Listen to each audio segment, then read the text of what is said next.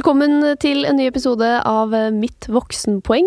Mitt navn er altså Nora Rydne, journalist i E24. Og i dag har vi med oss en finansringrev og halvstudert røver, som han sier selv. Han begynte som assistent i et pengemeglerfirma, jobbet i store banker i en årrekke og bygde opp Carnegies norske avdeling, før han startet for seg sjæl for å forvalte penger. Han er også kanskje Norges største Tesla-skeptiker. Det er deg, Jan Petter Sissener. Velkommen. Tusen takk. Det hørtes greit ut. Du kjente deg igjen? Uh, ja, altså når det gjelder å være Tesla-skeptiker, så går det på vurderingen av aksjen, ikke på nødvendigvis bilen. Ja, ja men du har ikke Tesla? Nei, jeg har elbil, men ikke Tesla. Ikke ennå. jeg kommer tvilsomt til å kjøpe Tesla, så lenge ikke de kan matche de andre på verken service, leveranser eller noe annet. Vi skal jo litt tilbake til Tesla-skepsisen, men eh, først så skal du få lov til å svare på våre fem kjappe voksenpoeng. Ok. Da begynner vi med når du kjøpte din første bolig. Eh, den ble faktisk ikke kjøpt, men delvis arvet. Det var i 1980. Og vi kjøpte den for halvannen million kroner. Det var fra min mors dødsbo, men det, det var en litt betinget til det. Så kall det to millioner kroner, men var det i Oslo, eller? Det var i Oslo. Ja, nettopp. Men bor du der fortsatt? Nei, vi bodde der fra 1980 til 1996. Ja. Jeg hadde egentlig bodd der fra 67 til uh, eh, 73 også, men ja. Hvordan finansierte du den, da? Det, med bloddyre lån. Den gangen kostet det jo rundt 14 eh, rente pluss å låne penger. Uh, utlån var ekstremt sterkt regulert, mm. så man måtte jo spare i fem år uh, før man i det hele tatt fikk lov til å låne penger, og det, da fikk man lov til å låne fem ganger det beløpet man hadde spart. Det var jo idiotiske reguleringer for, uh, kan du si, nyutdannede som skulle inn i boligmarkedet. For når du er nyutdannet, så var det ikke mye du tjente jeg tror min første jobb, så fikk jeg den gangen 84 000 kroner i året. Det var, Oi, ja. Og det var veldig godt betalt. Jeg tror jeg var bestemann ut fra BI den gangen. Eller en av de høyeste lønningene ut fra BI den gangen. Jøss. Yes. Ja, nei, det, nå er det greit med nullrente da, i hvert fall. Nullrente er vesentlig bedre, men jeg tror man skal ta høyde for at den eneste veien for verdenssamfunnet ut av de økonomiske problemene de har, er å få i gang inflasjonen. Kommer inflasjonen, kommer renten opp igjen. Ja, det, man regner vel med at det skal skje etter hvert? ja, etter hvert har en tendens til å skje litt før man aner. Se opp, dere som har tatt opp masse lån. Jeg ser på deg, produsent Kristine. kanskje en idé å binde renten. Ja, kanskje. Hmm. Hva er det beste du har gjort for karrieren din? Jeg tror det beste jeg har gjort for karrieren, var å flytte til London i 1986 da åpnet seg en helt annen verden for meg, hva gjaldt både penger, profesjonalitet, tankesett, enn det jeg hadde hatt eh, her hjemme. Hva er det beste du har investert penger i? Litt morsom historie, men eh, det var noe som het Energy Recovery i, under finanskrisen i 2002, som var desperate etter penger. Og jeg gjorde en emisjon på 20 cent og gikk på børs åtte år senere på 8,5 dollar. Det var jo da en god 40 ganger. Ja. Der er kursen fremdeles, nå tolv år etter det igjen, så det har ikke vært noen solstykke etter det, men jeg kom meg ut den gangen. Men hva er det verste du har investert i, da? Privat så er det noe som heter direkte bordbestilling. Venturepreget uh, selskap som skulle automatisere bordbestillingen hos Eh, restaurantene. Det var telefonbasert, men det var akkurat i brytningspunktet mellom eh, da internett kom. Eh, de som ledet det, sved av alle pengene på markedsføring før produktet var klart, så det ble en stor fadese. Jeg tror de var konkurs tre-fire måneder etterpå. Hei. På vegne av kundene så er nok det verste investeringen jeg har vært med på, var et selskap som het Enitel. Som var et ja, et uh, bredbåndsselskap tuftet rundt uh, jernbanelinjene. Og uh, hvis jeg ikke husker feil de hentet penger, vi garanterte en emisjon i april, pengene ble innbetalt i mai. og I august var selskapet konkurs, og det var mye penger. Og det kostet kundene halvannen milliard kroner og flere kunder jobben. Det var ikke noe gøy. Ei. Det var ordentlig eie. Ja. Det Men du har gjort mange gode investeringer og etter hvert da, som vi skal inn på senere også. Ja da, og kundene forble lojale, så Ja. Bra. Men jeg tenker vi skal starte litt eh, eh, Starte litt på starten. mm. Eh, da du var ferdig på videregående, hva, hva ville du bli da? Var tanken å bli finansmann og forvalter? Jeg var jo litt umoden eh, den gangen. Og eh, litt revet mellom i et, si, et splittet ekteskap. Og et ønske om å liksom tilfredsstille alle, så jeg lot meg overbevise om at det å studere juss i eh, Sveits var en god idé. Ikke kunne fransk, og ikke kunne latin. Eh, og jeg studerte da i Fribourg, som var midtstilt mellom min mors side, jeg hadde min bestefar i Zürich, og min far som bodde i Genéve. Helt tåpelige ting. Eh, og det er vel det dårligste rådet jeg har fått i mitt liv, at det skulle være mulig å studere juss på et språk man ikke kunne. Hvem ga deg det rådet? Det var jo faren min, og han var nok drevet av et, Han var advokat, og det var et sterkt ønske sikkert fra hans side at jeg skulle bli jurist og overta for ham etter hvert. Ja, det er jo gjerne noe som går i arv, det. Eh, Jussyrket. Ja, eh, kanskje. Ja. Hvor lang tid eh, tok det da, før du skjønte at jeg kan ikke studere juss på fransk? Nei, jeg skjønte jo det ganske fort. Um, Men jeg lærte meg jo ganske mye fransk i løpet av det året, og så tok jeg en timeout ved å reise i militæret. Uh, Var i militæret et par år, og så lot jeg det stå til å prøve ett år til med jussen, men det var helt eh, sjanseløst. Så da var det økonomi, og sånn ble det. Ja. Og jeg ville jo studere økonomi allerede da, men det, man lot seg slite av eh, sterkt ønske fra far om dette med juss, da. Nettopp. Men du, det var økonomi, du var interessert i økonomi fra starten, egentlig? Så jeg er jo en tallmann, og Ja. det er jo tall jeg kan. eh, Så jeg tror det hadde passet meg vesentlig bedre å hoppe rett på det. Var du god på videregående? Er sånn middels pluss. Jeg var god i kvantitative fag, ikke så god i der hvor modenhet spilte noen rolle. Men jeg fikk vel den gangen eh, 4,7 i snitt eller noe sånt, og det var helt greit. Ja. Innafor det. Ja, den gangen var det det, for du skal huske på at eh, kravene den gangen var nok noe høyere på gymnaset. For at det du har gjort på videregående nå, er at du har fylt på nedenifra ved at yrkesskolen er integrert, og normalkurven har da med seg my mye flere elever. Og også kanskje uh, faglig sett noe svakere. Så sekseren hang nok høyere den gangen. Ja. Og så var vel også ganske mange studier åpne. Juss var vel åpent i Oslo i hvert fall. Juss var eh, for alle taperne.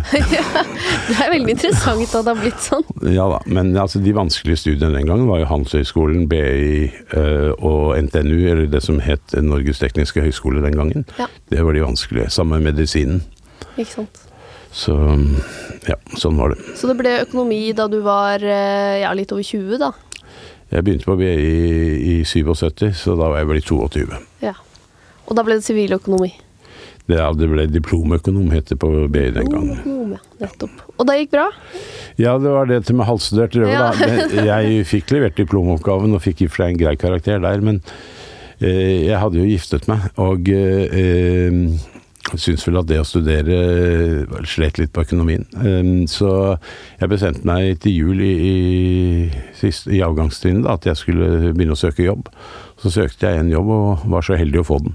Og uh, i ganske tøff konkurranse. Så og da skulle det i utgangspunktet være en halvtidsstilling, men det var i et eksplosivt marked, så det ble mer halvannentidsstilling, og studiene led litt når jeg kom opp til eksamen til sommeren. Nettopp. Men du fikk jo fullfø- fullført. Nei, jeg har ikke fullført alle eksamene, men jeg har fullført diplom, og, og så har det grunnen. Men altså, livet har bare gått av seg selv etterpå. Så jeg ble hentet dit og hentet dit, så ja. Det var ikke noe stort problem. Jeg skulle vel sikkert gjerne øh, Skulle jeg gjort noe omvendt, så skulle jeg jo naturligvis fullført før jeg begynte å søke jobber. Men øh, ja, det var ikke sånn det ble. Det ordna seg jo, men var, var fattern fornøyd? Faren min var jo ikke fornøyd fordi jeg flyttet hjem til Norge, og øh, det var nok ødeleggende for vår relasjon i mange år. Ja. Du fikk det på beina igjen. Ja da, etter hvert så gjorde vi det, men det ble aldri det samme som når han, jeg bodde hos ham et par år og trodde vi skulle at han trodde jeg skulle bli jurist. Ja. Eller håpet, tror jeg. For jeg, innerst inne som han har skjønt at det var en umulighet.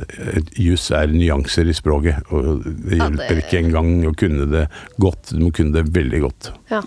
Ja, Så du har lært av det? Du har ikke pusha dine barn i eh, din retning, eller? Nei, barna har stått helt fritt. Eh, Jeg har prøvd å pushe dem til å velge de beste skolene der hvor de har når de har hatt muligheten til det, og de har spredd seg overalt. Så det Men en av dem er jo med videre. Ja, men han eh, Det som er fordelen med det, er at han kommer inn ut fra styrke. Ikke fordi jeg plukket han inn, men han hadde jo en karriere på si, og gjorde det kjempebra. Og det var jo litt unaturlig at han over tid skulle sitte og konkurrere med faren sin, så jeg syntes det var mer naturlig at han kom og joint oss. Ja, det er jo litt stas. Jeg er veldig, veldig fornøyd med det. Du fikk det din far drømte om med deg. Ja. Og så får- kan man alltid diskutere hvorvidt det er heldig eller bra eller hva det er, men han hadde ja, åtte års erfaring utenifra, så jeg syns det, det var veldig bra på mange måter. Men eh, da du begynte denne jobben da ved siden av studiene, hadde du da, da du var 22, funnet ut hva du ville? Altså Hadde du en sånn karriereplan? Nei. Eh, men jeg lærte det sånn, Jeg har vel alltid vært sånn uh, lært meg ting mens det går, og, og eh, jeg lærte jo ganske fort der et par ting. Det ene var at jeg burde ha fokusert enda bedre på skolen. Eh, Men dernest at jeg følte meg litt som en prostituert mellom låntaker og långiver. Ja. Og eh, derfor så foreslo jeg for min daværende sjef også at vi prøvde å satse på aksjemegling. Så fikk jeg noe tilbud, og jeg sluttet. Men eh, det gikk jo bare et halvt år, så drev han med aksjemegling, han også. Så ja, fordi det var pengemegling du holdt på med? Altså lån? det egentlig. var lån i det uregulerte markedet, eh, sammen med å formidle bankinnskudd til bankene som trengte penger. Så, og det var jo en ekstremt volatil periode med veldig knapphet på penger og skyhøye rentenivåer. Ja, det var du jo inne på. Så, så, og boliglån var jo veldig sterkt regulert, så derfor ble det etablert et sånt, kall det gråmarked, da. Ja, For det finnes ikke egentlig så veldig nå. Nei, jeg har ikke sett noe til det på lang, lang tid. Jeg tror ikke det finnes heller. Så alle gikk over til aksjer. Eh, Nei, men de fikk lov å låne penger i banken etter hvert. Ja. Og det er jo et mer naturlig sted å låne penger enn i av et eller annet gråmarked. Ja, ja, ja. Men da, Så tanken om å megle aksjer, den, den kom jo i hvert fall ganske tidlig, da. Ja, jeg hadde jo investert i aksjer allerede fra jeg var sånn 14-15 år, så hadde vi en liten aksjeklubb på, Ja. På skolen. Eh, og og eh, den fortsatte jo å investere i aksjer, og vi gjorde det ganske bra. Ja. Eh, dette var jo ja, I, gymnastiden så var det jo da alle skulle inn i forskjellige oljeselskaper, enten det het Saga Petroleum eller Norsk Petroleum. Jeg fikk tjent veldig mye penger på å gå rundt til alle mine medelever og spørre foreldrene deres om de hadde tenkt å tegne i det som het Norsk Petroleum, og tante tegnet gigantisk på alle disse. Ja. Og, tjente den gangen en formue for meg, det var ikke mer enn 10 000-20 000 kroner, men altså jeg lover deg 20 000 kroner for en 17 år gammel gutt den gangen, det var veldig mye penger. Ja, fordi de måtte tegne for deg for uh... Jeg tegnet for dem og ordnet alt det praktiske. Uh, Overføringen av aksjene til meg, og greide å selge bortimot på topp, så det var Ja, så du, ble, du var forvalter eh, som 15-åring, rett Jeg og kaller det, slett? dette var vel 17-åring, jeg var vel ikke forvalter, men jeg handlet nok på børsen. Ja, en slags eh, Jeg fikk øvd deg der. Fikk øvd meg der. Men hva var det, hva var det du syntes var så spennende med, med aksjemarkedet og å holde på med sånn handel? Den gangen så var det vel nesten som en gamble, ja. for man hadde jo begrenset innsikt. Eh, Så man trodde man kunne analysere, og det var ja, det eller, kunne regne, men det var jo bare tull. Men eh, vi ble tatt godt imot av dette meglerfirmaet. Eh, Vikstrøm og co. het det. Og de tok oss med rundt på børsen og lærte oss opp, så jeg hadde stor glede av det, faktisk. Vi var lærte 17? mye da vi var 17 år. Tøft. Det var ordentlig tøft. Og hvordan fikk dere kontakt med dem, da? Nei, det, jeg fikk kontakt med dem fordi en av de andre i denne klubben, eller vennegjengen som pratet aksjer, de hadde allerede den kontakten. Så slik ble jeg introdusert. Kult. Ok, så selv om det ikke var noen karriereplan, så var det, det var jo på en måte en interesse. Det har var en jo interesse. eh, gjort jobb av interessen, rett og slett. Det har jeg gjort etter hvert, ja. Absolutt. Men så gikk du da altså inn i store banker etter det mm, etter eh, denne jobben i pengemeglerfirma? Ja, Først så gikk jeg til noe som het Gunnar Bøhn Co., som jo hadde vært det dominerende meglerfirma på Oslo Børs i mange år, men som ja, av forskjellige årsaker var blitt desimert. Uh, og blåste vel liv i det. Så ble vi kjøpt opp av noe som het Alfred Berg. Uh, innenfor de grensene som den gangen gjaldt. Utlendinger kunne ikke eie mer enn 40% av norske selskaper. Ja. Så ja. Det var jo det. Så hadde vi en liten hiccup på børsen i 86, hvor jeg da flyttet til London og begynte å jobbe for noe som het Carnegie International. Og det er nok det beste karrieremovet jeg har gjort. Ja, for det ble jo til en jobb i, i eh, Norge, det? Det ble til en jobb i Norge. Meningen var jo da jeg fikk den jobben at det bare skulle være et slags internship et par-tre år. Eh, eller et par år. Men eh, da jeg skulle hjem, så hva het, ja, sa de på Wall Street Jeg fikk et tilbud jeg ikke kunne avslå. eh, så ja, sånn ble det. Og da kjøpte vi noe som het Stock Invest og startet Carnegie Norge. Nettopp. Var, eh, dere kjøpte et annet selskap som het Stock Invest? Det var et bitte lite meglerfirma som het Stock Invest, som ikke helt hadde fått det til, men hvor backoffice og regnskaper og alt var førsteklasses. Ja.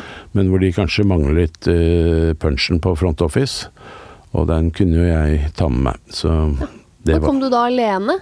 Som, for da var du megler, ikke sant? Da var jeg megler. Uh, jeg kom alene. Uh, og hadde jo én bekjent, eller til og med et par bekjente i, i selskapet. Uh, men uh, fikk jo raskt ansatt en del mennesker, og det en, var en kjempesuksess det fra dag én. Med god hjelp fra mor, men det de, Da jeg ga meg i Carnegie i 83, så var det vel by far Norges største meglerfirma, tror jeg. Moro. Hvordan, ja. Har du noe innsikt i hvordan du fikk til det? Jeg tror det som har vært mitt øh, kjennetegn, er vel at et, et sterkt ønske om alltid å ville tjene penger for kundene. Ja. Og ivareta kundenes interesser, og aldri la meg prostituere. Mm. Og øh, det var nok noe som ble appresiert av kundene. Og så jobbet jeg kanskje litt hardere enn de andre, da. Ja. Sto opp tidligere om morgenen og la meg senere på kvelden. Ikke sant? Jeg, ikke, jeg, kan ikke, Du må nesten spørre kundene mine fra den gang for å spørre hvorfor det var som det var, men det Har du vært drevet av noe sånn stort ønske om å bli rik eh, selv? Nei, ikke egentlig. Eh, da hadde jeg sikkert gjort mange ting annerledes. men, men, eh, jeg har jo alltid hatt gleden av å tjene veldig gode penger. Altså, jeg har jo hatt griseflaks. For den perioden da vi, jeg startet, kan du si, i meglerverden, så det eh, var jo da børsen tok av i 83, og, og kommisjonene var 0,75 prosentpoeng hver vei. I mm. dag er det jo knapt nok 0,01 eller 0,02. Så det var bare helt eventyrlig. Og det var nesten lovbestemt hva kurtasjen skulle være. Og så ble den jo satt ned til 0,5, og så senere 0,3. Så det har holdt seg veldig lenge. Ja, Så det var lettere, mener du, å gjøre det bra på børsen før enn det er nå? Mye lettere. Det var mye lettere å være megler, for den, uh, i dag må, stilles det helt andre krav, tror jeg du kan si. Og, og, du kan si at våre motparter som var på kjøpsiden, hadde jo ikke den samme kompetansen som de har i dag heller. Det var ofte kontorsjefer, økonomisjefer og andre som styrte aksjeporteføljene. Ja, Så det var ikke like spesialisert? Nei, det er jo mye mer spesialisert i dag. Mm. Og så er det jo blitt mye mer eh, kan si, matematisk forvaltning, eller indeksforvaltning, og mye mindre investeringer. Mm. Mindre hedgefunds, som er Kaller du ditt fond hedgefund? For nå driver du jo eh, Kanopus? Kanopus, ja. Jeg kaller det Vi er kategorisert som et hedgefond fordi vi også kan shorte, men det er ikke det vi egentlig er. Vi er egentlig et aksjefond, men som bruker en del av uh, pengene på å hedge oss, slik at vi ikke er med veldig mye ned. For våre kunder er det mye viktigere å ikke tape penger enn om du går glipp av et par prosent på oppsiden. Men, uh, og det har, har vist seg å slå indeksen over tid, da. Ja, nettopp. Det har det vært mye debatt om. Ja, jeg kan, den diskusjonen skal jeg ta når som helst, hvor som helst og med hvem som helst. Den tenker jeg vi sparer de spaltene i E24. Men vi, uh, vi uh, har jo en uh, tabbespalte her i Mitt voksenpoeng. Er du klar for tabbespalta? Jeg får prøve. Jeg er ikke sikker på at jeg husker noen store tabber, men ja. Hva er den største tabben du har gjort i karrieren, Jan Petter Sissener?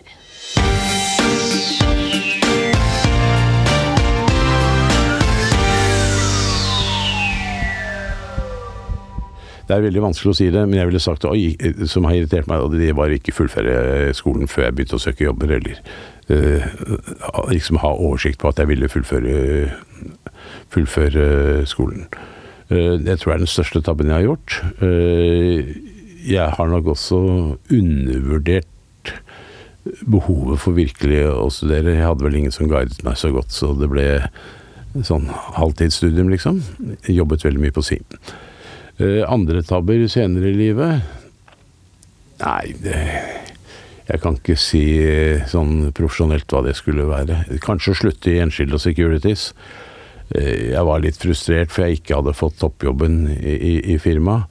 Uh, at den var gitt til en administrator i London, og det falt sammen med at Alfred Berg av Benamro virkelig maste. Eh, jeg var jo veldig trygg på Alfred Berg. Jeg burde kanskje ha gjort mer hjemmelekse på ikke de som var i ledelsen av Benamro, for de møtte jeg jo. Det var jo slik den at når man intervjuet Jeg tror jeg intervjuet med 21 forskjellige mennesker Oi. før jeg fikk jobben. Men, men, eh, for det var en viktig rolle. Men, men, men, eh, det var jo de over dem igjen, og det burde jeg ha lært. At i banker så er det ikke nødvendigvis han som er sjef for avdelingen som bestemmer. Det sitter et beslutningsforum over ham, om ikke to. Ja. Og det var nok det som brant seg hos Aben Amro. Fordi en dag fem år etter, eller tre år etter, så vågnet jeg med at hele management-teamet i London hadde fått sparken. Hei sann. Eh, Ja. Og det var for mange ubegripelig, men det var, det var noe som det var, for da var Aben Amro jeg tror rated som nummer tre eller fire i verden. Ja, For du skjønte hva som hadde skjedd, eller? Jeg fikk jo en forklaring etterpå, og det går jo på kompensasjon. Eh, Det gikk vel dårlig i banken, så hadde de ikke anledning til å, til å kan si, innfri de løftene de hadde gitt. Og det fikk jo Alfred Berg i Norge, og si da jeg var i Norden, sjef for hele Norden, det fikk jo alle mine uh, kjenne på pulsen også. At uh, en deal var ikke en deal. Da bråkte jeg et års tid. De ville jo sparke meg òg, men det, tror der tror jeg de fikk noen advarsler fra finansdirektøren i Stockholm at det ville koste dem så mye penger at de Så de frøs Ja. meg ut istedenfor. Øh, Veldig ufint, egentlig. Hvordan fryser man ut noen? Man tar fram fullmaktene, man eh, innfrir ikke de løftene han har gitt i organisasjonen. Man øh, prøver å redefinere jobben. Masse hassle. Ja, og da Og så masse trusler og tull og tøys. Og det, tabben jeg der hadde gjort, var at jeg hadde ikke fått meg en uh, Stockholm- eller London-basert kontrakt. Og det er ingen som syns synd på en megler i Norge som tjener mange millioner kroner den gangen. med Hadde jeg hatt en London-kontrakt eller en Stockholm-kontrakt, så hadde jeg jo fått uhorvelig med penger. Ja, nettopp. Vi hadde jo virkelig levert, og Men var det da en så stor tabbe å gi deg bank, da? Det var en stor tabbe å gå fra Enskilda, tror jeg, fordi Enskilda som nordisk bank har nok litt mer forståelse på driverne, og for Enskilda så var investeringsbanken mye viktigere. For Aben Amro så var det nesten bare nuisance. Og eh, selv om jeg elsket og elsker fremdeles det managementteamet som jeg var en del av, så, så var managementteamet over der irrasjonelle. Nettopp. Hm. Så du skulle øh, ønske at du ble enskilda og ikke gikk videre til en annen bank, rett og slett? Ja, når du spør om tabber, så vil jeg si at eh, sett i ettertidens klare lys, så var nok det en tabbe. Selv om jeg fikk veldig godt betalt for å gå til Alfred Berg og ikke har noen liksom, second thoughts. Men det finnes ikke en bank som ikke kan ødelegge verdens beste meglerfirma. Men jeg lurer på en ting til. Eh, når vi er inne på tabbe. Du nevnte jo her at du ble kasta ut av børsen på et tidspunkt. Hva skjedde der? Det var eh,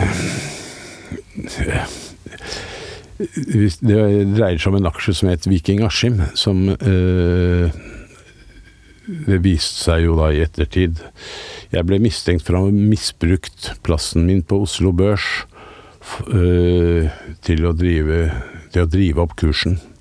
Okay. Uh, og det var naturligvis ikke riktig, og den, den gang så var meglerkontrollen et som het Solum. Og eh, det ble jo overkjørt av Handelsdepartementet i etterkant. Eh, men da var jo skaden allerede skjedd, og det tok jo seks måneder mellom det ene, eller fem-seks måneder mellom det ene og det andre. Det som var faktum, var at en av mine klienter hadde fått et, en forespørsel om han ville selge aksjene sine. Han avstemte det med daværende børskommissær Jarve, om det forhindret ham å kjøpe aksjer på børsen.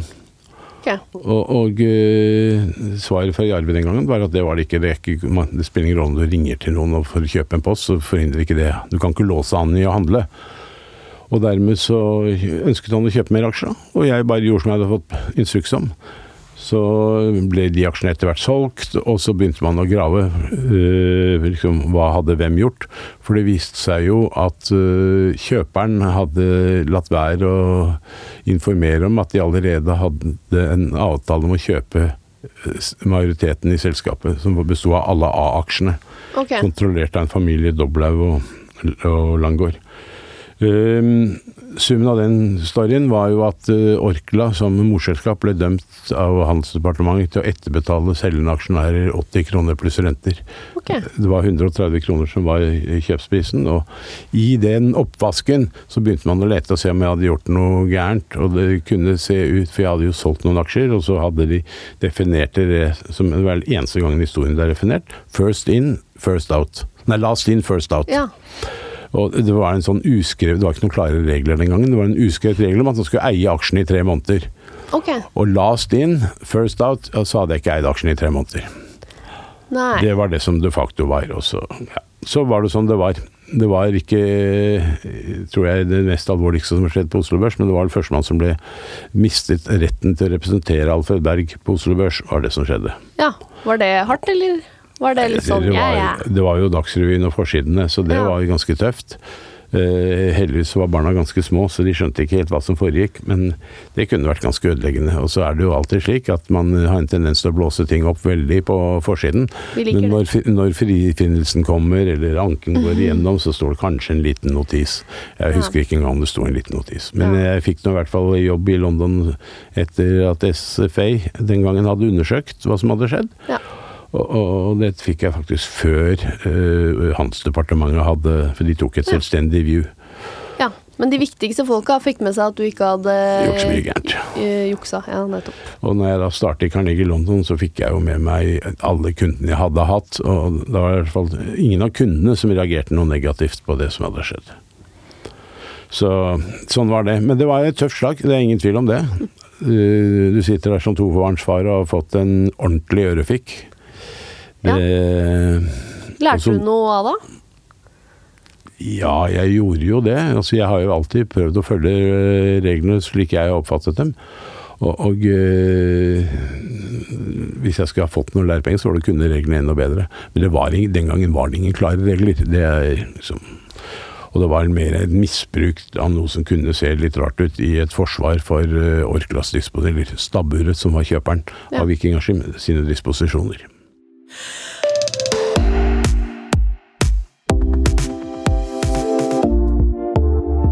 Du sier jo at det var en av tabbene dine å gi deg eh, big banking, men eh, så gikk det jo ganske bra da når du starta for deg selv. Eh, Hva, hva var tanken da du gikk ut av bank og sa opp de jobbene? Nei, altså Jeg har vel ikke sagt opp så mange jobber, jeg har vel mest fått sparken. Jeg har jo startet for meg selv to ganger. Ene gang var i 1994, da jeg startet noe som het Sirius Securities. Bitte lite meglerfirma. Fikk med meg et par venner, øh, og et par gode venner, eller egentlig flere venner. Men øh, det viste seg at øh, ja, ting endret seg underveis. Så da Orkla Vi holdt på et halvt års tid, og da Orkla kom og ville kjøpe oss etter et halvt år, så bestemte vi oss for å selge. Um, og så øh, var jo da historien ble Orkla Finans, og så ble det Enskilda, så ble det Alfred Berg, og så ble det Kauting. I Kauting så var jeg vel veldig tidlig ute med å si at dette ikke var øh, en holdbar business. Og i januar 2008 så sa jeg til kunden at de måtte ta pengene ut av banken. Oi, hva, sa, hva syns Kauting om det? det syns de ikke noe om, Nei. Eh, og det visste jeg, eh, at det var en overveiende risiko. Men vi hadde skrevet mailer og SMS-er og alt fordi det var Kauting var, Det var da årsrapporten for 2007 framkom, så var Kauting den eneste bank i hele verden som ikke hadde noe tap på obligasjonsporteføljen sin. Og dette var Jeg kjente jo litt til den, ikke mye, men det var ikke teoretisk mulig engang. Uh, og det var, det var, mange røde flagg som uh, blinket. Og, og ja, vi kunne ikke som ledergruppe, det var ikke bare meg da, men ledergruppen i Oslo besluttet å, å ta ut kundenes penger. Uh, det syntes ikke Hedning om, så det gikk som det måtte gå. Uh, jeg fikk jo da sparken. Ja. Uh, de sa at våre veier er kommet Vi har kommet til en korsvei. Jeg vet ikke om han mente ment å sende før. Jeg hadde jo nå fått meg en global rolle i Kauting. Ja. Om han mente å sende meg tilbake til Oslo, eller om han liksom ville kvitte seg med meg, det ble vel aldri klart. Men jeg tok det som å få sparken, og, og sluttet i Kauting. Og jeg tror vi var inne på det i sted, men for meg var det alltid viktigst å sette kundenes interesser i høysetet. Og om det kostet meg jobben, så koster det meg jobben. Og det samme gjaldt egentlig kollegaene. Ja. Uh, så det var uh, catting-storyen, og da, liksom, da hadde jeg brent fingrene i Alfred Berg, jeg hadde brent fingrene i, i catting, og det var ikke slik at uh, de beste jobbene i meglerverdenen sto og ventet på Jan Petter. Uh, Hvorfor ikke? Var det fordi de syntes du var, var løs kanon? Var, ja, kanskje, men det var nok mer at posisjonene var besatt. Det var ja. jo andre, og det, det var vel ikke kanskje naturlig å bytte. Jeg hadde noen samtaler med noen kan du si, alternative meglerfirmaer, men eh, jeg tror vi kan si det som eh, når du er ung. Den du kan få, vil du ikke ha, og den du vil ha, kan du ikke få. Og det var omtrent sånn med disse stillingene også. Ja. Eh, så jeg hadde en del penger og fant ut at jeg kunne like gjerne forvalte for meg selv og invitere med med andre, og det var det jeg gjorde i 2009. Ja, for du hadde jo på en måte fått en liten bekreftelse på at du kunne det, da. Sånn siden det første meglerfirmaet tross alt ble kjøpt opp av eh, det som senere ble Akrafinans. Finans. ja, som ble Enskilda. Ja. Ja da, jeg, og jeg var ikke liksom Jeg følte jo at uh, hadde, jeg hadde en story å komme med. Dette var jo i, midt under finanskrisen i 2008. Ja, At du starta selv? ja, At jeg besluttet å starte for meg selv, ja. På nytt. Ja. Mm. Da hadde jeg riktignok hatt en del samtaler med noen sveitsiske banker om å starte privatbank i Norge, men de fikk litt kalde føtter, og jeg fikk veldig kalde føtter, for de hadde ikke egentlig noe produkt å selge som jeg syntes var salgbart. da. Eh, så jeg fant ut la oss heller starte et firma. Så senhøstes 2008 så kjøpte jeg noe som het Saga Capital fra Braganza. Per Bråten. Han hadde tenkt å gjøre det samme. Hadde i og for seg ansatt Fredrik Cappelen til å gjøre det, men av en eller annen grunn så ga de, ga de seg.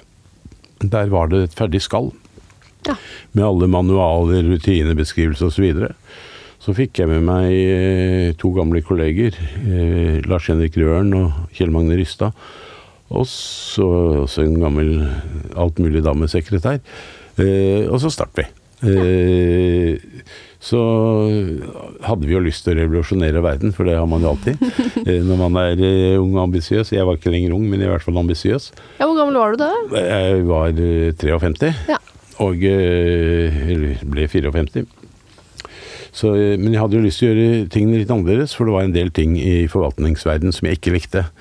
Uh, og det deriblant transparens, hvor mye At man ikke har felles interesse med kunden osv. Men vi lagde noe sånt investeringsselskap med tre års tidshorisont, og fikk med oss en snaue 300 millioner kroner. Som ja, fra? Ja, forskjellige venner og kjente, og meglerfirmaene hjalp til litt her og der. Det morsomste egentlig tegningene var jo det at alle mine gamle kunder kom eh, tegninger, og til dels store, noen av dem. Ja, Altså de gamle kundene fra um, Meglerverden. Ja, eh, for da gikk du jo fra um, Kaupang, da. Det var den siste. Kaupting, ja. Kaupning, ja. ja det, det, gjorde jeg, og, og uh, det var jo liksom profesjonelle hedgefondforvaltere som da valgte å gi en ikke ubetydelig del av sine penger til meg å forvalte, ja. istedenfor å ha det i sin eget fond. Det var sikkert en gest, men det var også et kompliment, da, følte jeg, at de, de, eh, de gjorde det. Så sånn startet vi. Mm. Så, Og da startet dere? Ja, var det deg som var Canopus? Nei, det var var het Sissener AS, og vi hadde et investeringsselskap som het Sissener Sirius. Ja. Eh, det levde i seks år. Tanken var tre, og så ble det fornyet for en ny periode på tre år. Underveis så prøvde vi å lansere tilsvarende eh, investeringsselskaper med et sektorielt preg. Type Sissener Energy. Ja. Eh, og det Kundene var så, liv, så veldig opptatt av likviditet at vi fant ut at vi må ha noe som er likvid. Og da 30. april 2012 så lanserte vi det som nå heter Canopus, og som i dag er det eneste aksjefondet vi forvalter. ja. Hva, eh, likvid, da mener du altså ikke eiendom og Nei, jeg mener at eh, du kan gå ut og inn av fondet hver dag. Du, Ja. du er ikke bundet opp i tre år som du var i disse investeringsselskapene, men her kan du gå ut og inn hver dag. Nettopp. Ok. Ja. Og det var De begynte jo veldig smått, da, for det var jo bare en Jeg tror vi startet med 60-70 millioner kroner. Så var vi på det høyeste oppe i 3 milliarder, og nå ligger vi rundt 2,2-2,3. Så Men hva er, da, hva er den vinnende strategien du har brukt, som har fått, uh, fått eh, med seg kunder og har gjort at du ikke trivdes eh, nødvendigvis i de store bankene? Jeg tror det er annerledes. Jeg, jeg tror liksom jeg tror ikke det er noe feil med store banker, men det er store, massive organisasjoner med et voldsomt hierarki, og så har jeg aldri vært veldig flink på internpolitikk. Jeg, og det gjelder kanskje offentlig politikk òg. Jeg sier hva jeg mener og mener hva jeg sier, og står på det. Eh, Men, men eh, jeg var litt ferdig med store banker og hierarkier og uforutsigbarhet. Jeg var tross alt blitt 55, og skulle jeg noen gang gjøre noe for meg selv, så var det, eller 54, så var det da. Um, altså jeg har ikke noe problem med å tilpasse meg store organisasjoner, men eh, ikke hvis det ikke er fair play. Nei. Så det er fint å være din egen sjef. Jeg trives jo med det. Altså, når du har vært indianerhøvding i 30 år i ditt liv, så Og særlig når du øh, skal administrere humankapital, så er det veldig utfordrende. For øh, veldig mange av de som jobber i finansbransjen, tror de er Guds gave til menneskeheten og kjempeflinke. Og så glemmer de av og til at det faktisk er systemet rundt dem som, øh, som øh, gjør dem flinke. Nettopp. Så hvordan, hvordan gjør du det når du må forvalte det humankapital, eller altså ansatte? Nei, altså jeg, jeg føler jo at jeg har vært veldig heldig, for jeg har hatt veldig mange lojale og flinke medarbeidere hele livet. Og jeg vil nesten si uten unntak, så de som har sluttet, har alltid ønsket å komme tilbake. Ja. Uh, for da, det er vel sånn at du fant ut at gresset kanskje ikke var så mye grønnere på den andre siden. Eh, en ting, jeg tror å lede gjennom eksempel og slippe folk til, det tror jeg er veldig viktig. Men hva har du gått for når du sitter der da med masse folks penger, og så eh, sier du at du er opptatt av å tjene penger for folk. Hva er eh, strategien du har brukt for å ikke søle bort folks eh, penger, da? Eh, Vi har jo prøvd å, å, si, begrense risikoen prøve å investere ut fra der vi ser best risk reward. Og det Vi greide oss jo veldig godt nå i krasjet i mars, hvor vi bare tapte en brøkdel av hva børsen tapte. Men, men øh, øh, vi har heller ikke fått med oss hele oppgangen. Og eh, den er nok drevet av mange andre faktorer enn den økonomiske utviklingen.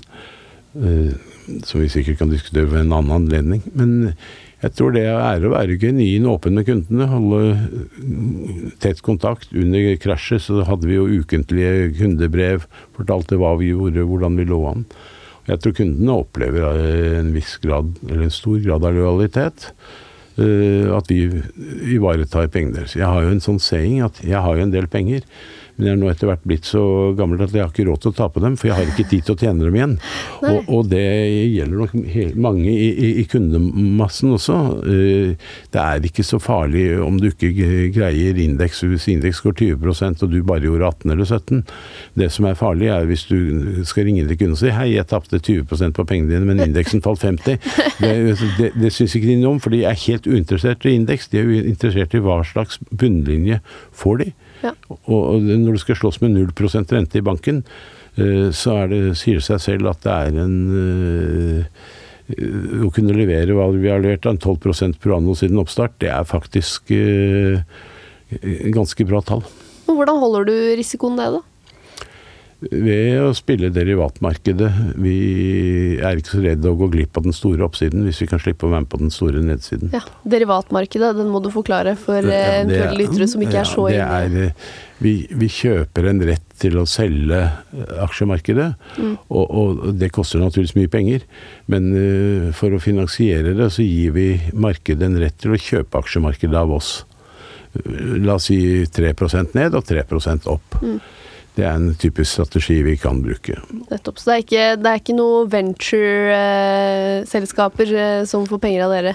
Nei, veldig lite. Vi, vi, da skal vi kjenne dem godt. Vi Ja. har én ventureinvestering i, i porteføljen som utgjør 0,4 eller 0,5 eh, fordi vi har veldig tro på management. Men, men det ligger ikke i eh, kan du si, vårt eh, mandat å drive med ventureinvesteringer.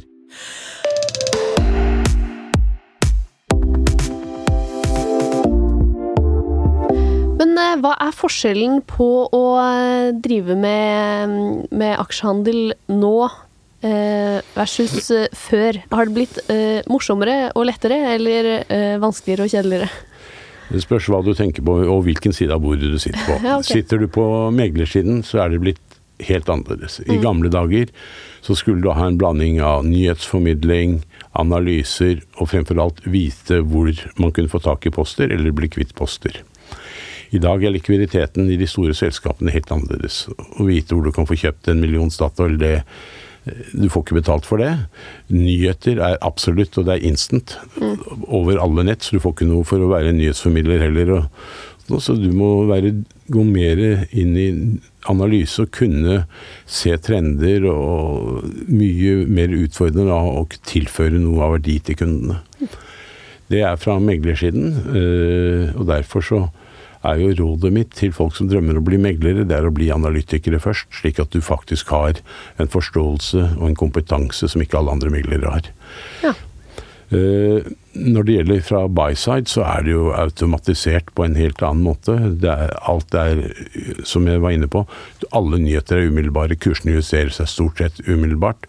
Og da er det, tror jeg, i tillegg til å være en dybdeanalytiker og se trender og osv., så, videre, så må man kunne også forstå markedet. Jeg tror de beste forvalterne har en blanding av dyp, dyp eh, analytisk evne og en inngående markedskompetanse. Ja. Hva ser du etter da, hvis du skal ansette noen nye forvaltere eller analytikere hos deg? Dype analytiske evner, fordi markedskompetansen har jeg selv. Ja, Og det ser du på i eh, studier, eller hvordan Nei, jeg tror det eh, Nå har ikke jeg ansatt Det er en stund siden vi ansatte nyutdannede. Vi ansatte to nyutdannede for ja, syv-åtte år siden. Kjempeflinke gutter begge to.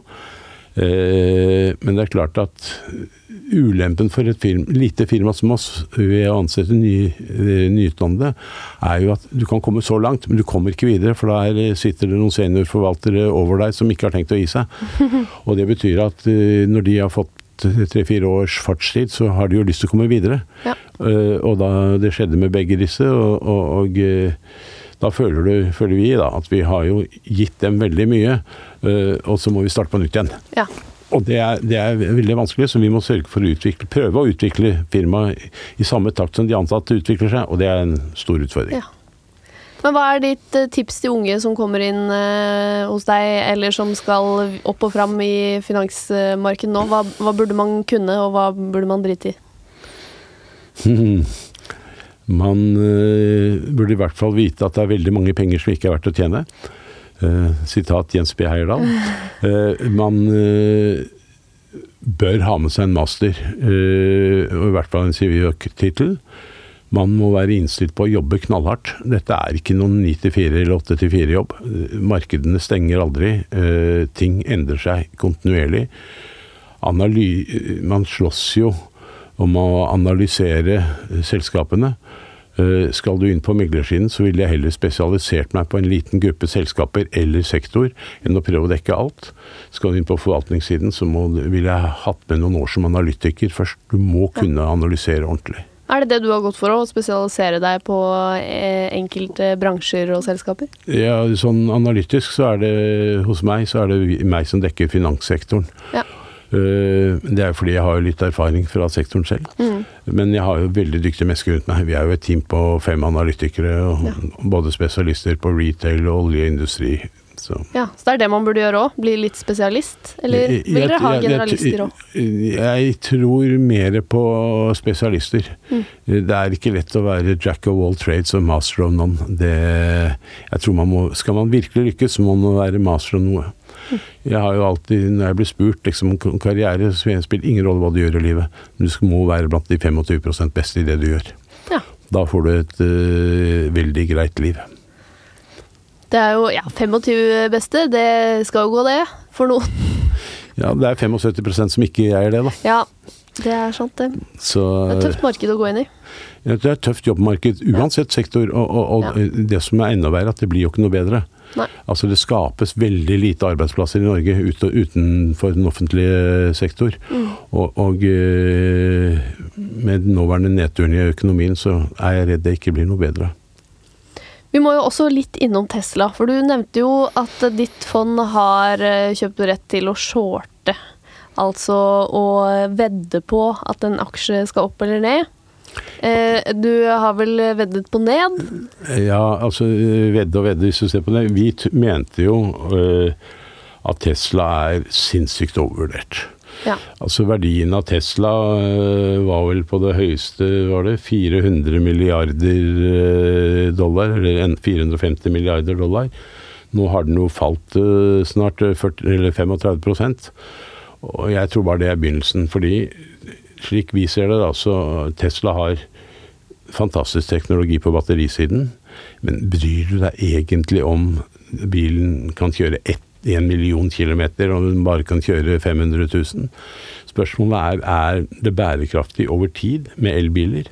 Har Tesla noen competitive advantage i forhold til folkevogn eller Mercedes eller Porsche eller andre som serverer Audi, som serverer elbiler? Og min vurdering er jo at de hadde en tidlig mover advantage. De har ikke, de har ikke tror jeg, greid å opprettholde det forspranget vis-à-vis de andre som nå kommer løpende etter. Og hvis vi ser på statsstatistikken her i Norge, så sier det jo sitt at Teslas salg i Norge er ned 83% og ledelsen der er overtatt av Audi E-tron og etter hvert Folkevogn Golf osv. Ja. Mercedes. Så jeg tror de har ikke greid å rulle ut servicenivået like raskt som de har, ikke distribusjonen. Eh, hvis du da tar 450 milliarder dollar som det var på det høyeste, så tilsvarer det omtrent det 40% av all, verdien av alle verdens noterte bilselskaper. Og Det betaler man så for et selskap som ikke engang produserer noe særlig mer enn 4% av verdens eh, bilproduksjon. Da eh, blir det veldig store verdier på batterikompetansen, som de jo ikke eier alene. Så men føler du at du gikk inn i dette short, altså dette veddemålet mot Tesla litt tidlig? Det er ingen tvil om at Tesla har kostet oss mye penger. Nå har vi tatt veldig mye igjen de siste dagene etter hvert ja. som det har falt. Men, men uh, vi gikk nok inn for tidlig. Uh, det er jo ingen tvil om at det er veldig spesielle faktorer som har drevet aksjemarkedet uh, kan du si siden mars veldig ja. mye. Og kanskje spesielt vært litt spesielle drivere på Tesla med veldig spesiell Tesla, sjef. Apple. Og, ja, ja, men altså Tesla annonserer at de skal splitte aksjen i fire. Eller i fem. Altså du skal få fire per aksjeleier. Og den nyheten tar da publikum imot og kjører aksjekursen opp 70% Selskapet blir ikke noe mer verdt ved at aksjen splittes i fem. De gjorde det samme med Apple. Ja. Der gikk kursen bare tror jeg 40% men det skaper ingen verdier å splitte aksjen, bortsett fra at kanskje på marginalen så er det flere som har råd til å kjøpe den. Mm. Under den største oppgang fikk Tesla 40 000 nye aksjonærer i løpet av et par timer. Ja. Og det er klart, eh, man skal ikke undervurdere likviditet, og likviditet som da er provided av eh, en helt ny generasjon mm. daytradere og privatpersoner som kanskje ikke har så mye annet å gjøre. Hva håper du forsida blir da, den dagen dere kanskje vinner på den shorten?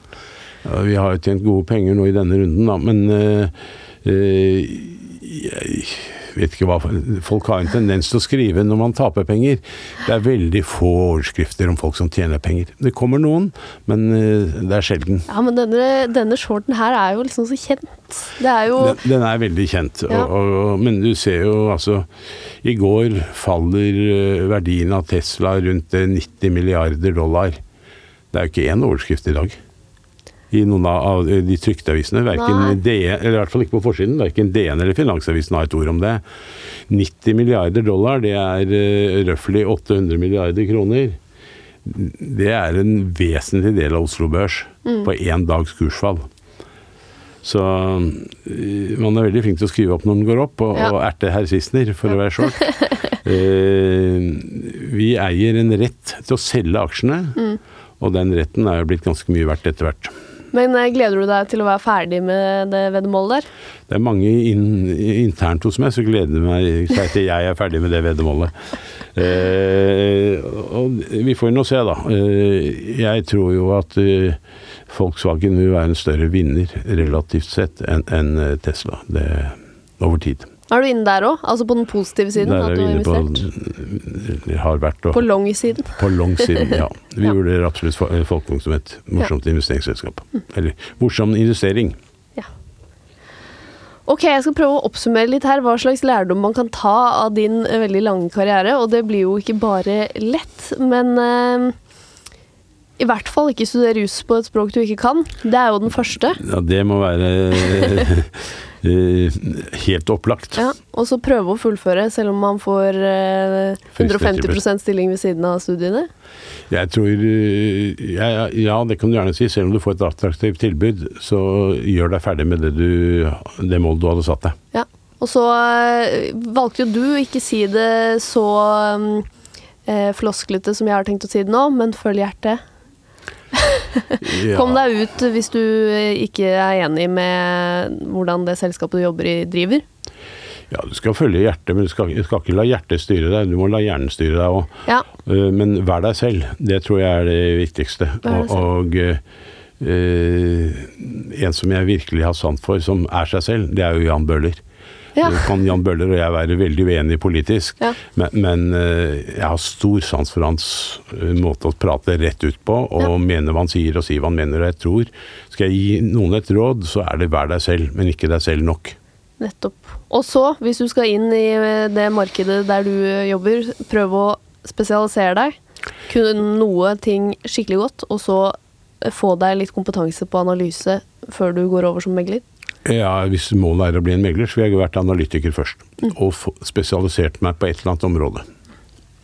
Hvis du kunne gå tilbake til eh, deg selv da du var 20 år, og gi deg et råd fra din gamle og erfarne selv, hva ville det vært? Kanskje å være litt mindre meg selv. Men, Tror du du hadde greid det? Jeg tror ikke jeg har greid det. Jeg hadde nok en oppvekst som gjorde at jeg var vant til å ta vare på meg selv. Men, men øh, nei, Hvilket råd skulle jeg gitt meg selv som 20-åring i dag?